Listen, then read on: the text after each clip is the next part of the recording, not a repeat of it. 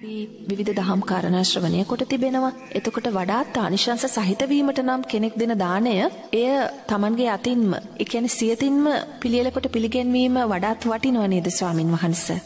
එහේ බුදුරජාණන් වහන්සේ කාරණා පහක් දේශනා කරනවා. දහනයක් එක පැත්තකින් මහත් ඵල මහානිසංස ලබන්න. එකක් තමයි සද්ධාවෙන් දන් දෙන්න ඕනේ. දෙවෙනි තැන තමයි ගෞරවයෙන් දන් දෙන්න ඕනේ. තුන්වෙනිව කර්මය කර්මඵල විශ්වාසයෙන් දන් දෙන්න ඕනේ. හතර වෙනුවෙන් ප්‍රනීතව දන් දෙන්න ඕනේ. පස් වෙනුවෙන් සියතින් සකසාගත දෙයින් දන් දෙනවා. සද්ධාවෙන් දන් දෙනවා කියන්නේ මොකද්ද? මේ බුදුරජාණන් වහන්සේලාගේ ශ්‍රාවකයන් උදෙසායි මම දැන් දෙන්නේ. මම මේ සාරිපුත්ත මහරහතන් වහන්සේ මුගලන් මහරහතන් වහන්සේ අරමුණු කරගෙනයි මන් දෙන්නේ.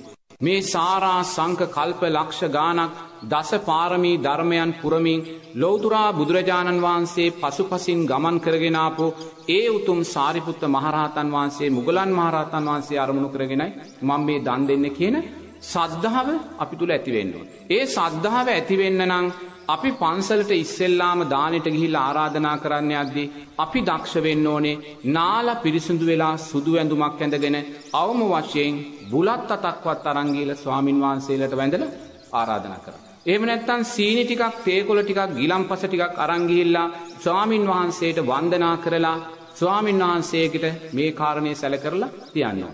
ඒම නැතුව කෙනෙක් කොහේ හරි රස්සාාවට ගිහිල්ල වැඩෑරිලා පෑටේ වැඩ කරලා දාඩිය දාගනර වැඩට ඇදන්ගේ ඇඳු මෑඳගෙන හා ස්වාමින් වහන්සේට පන්සල්ට කියලා ස්වාමින් වහන්සේ එහනම් එතන සද්ධාව සකස් වෙලා නැහැ. එනිසා දානයක් දෙද්දී මේ මුල්ම පියවර අපි ඉස්සෙල්ලාම ජයගන්නවා.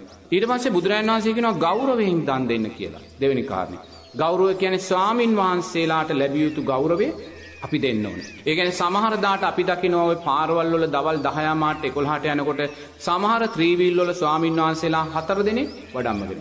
එක ස්වාමීන් වහන්සේගෙන ගොඩොක්වේ දැන් කොහටද මේ දානගෙද ගෞරවයක් තියෙනවාද නැහැ. සමහර දානගවල්ලොට යනකොට වතුර බේසම තියනවා තුවාය තියනවා කවරුත් ඉදිරිපත් වෙන්නේ නෑ කකුල් දෙක හෝදන්න එක්කො ලැජ්ජයි එක්කෝ මාන්‍ය මේ හේතුන් නිසායිව සකස් වෙන්නේ නැහැ. එනිසා එවැනි තැන්වොලිදිම අපි දක්ෂ වෙන්න ඕනේ මේවා නිවැරදි ආකාරයට සිද්ධ කරලා. කුසල් පක්ෂය මගේ ජීවිතය නෝනා මම අප්‍රමාණ අනුන්ගේ දානගෙවල් පිරිත්ගෙවල්ලොට ගිහි ජීවිතය සම්බන්ධ වෙලා තියෙන.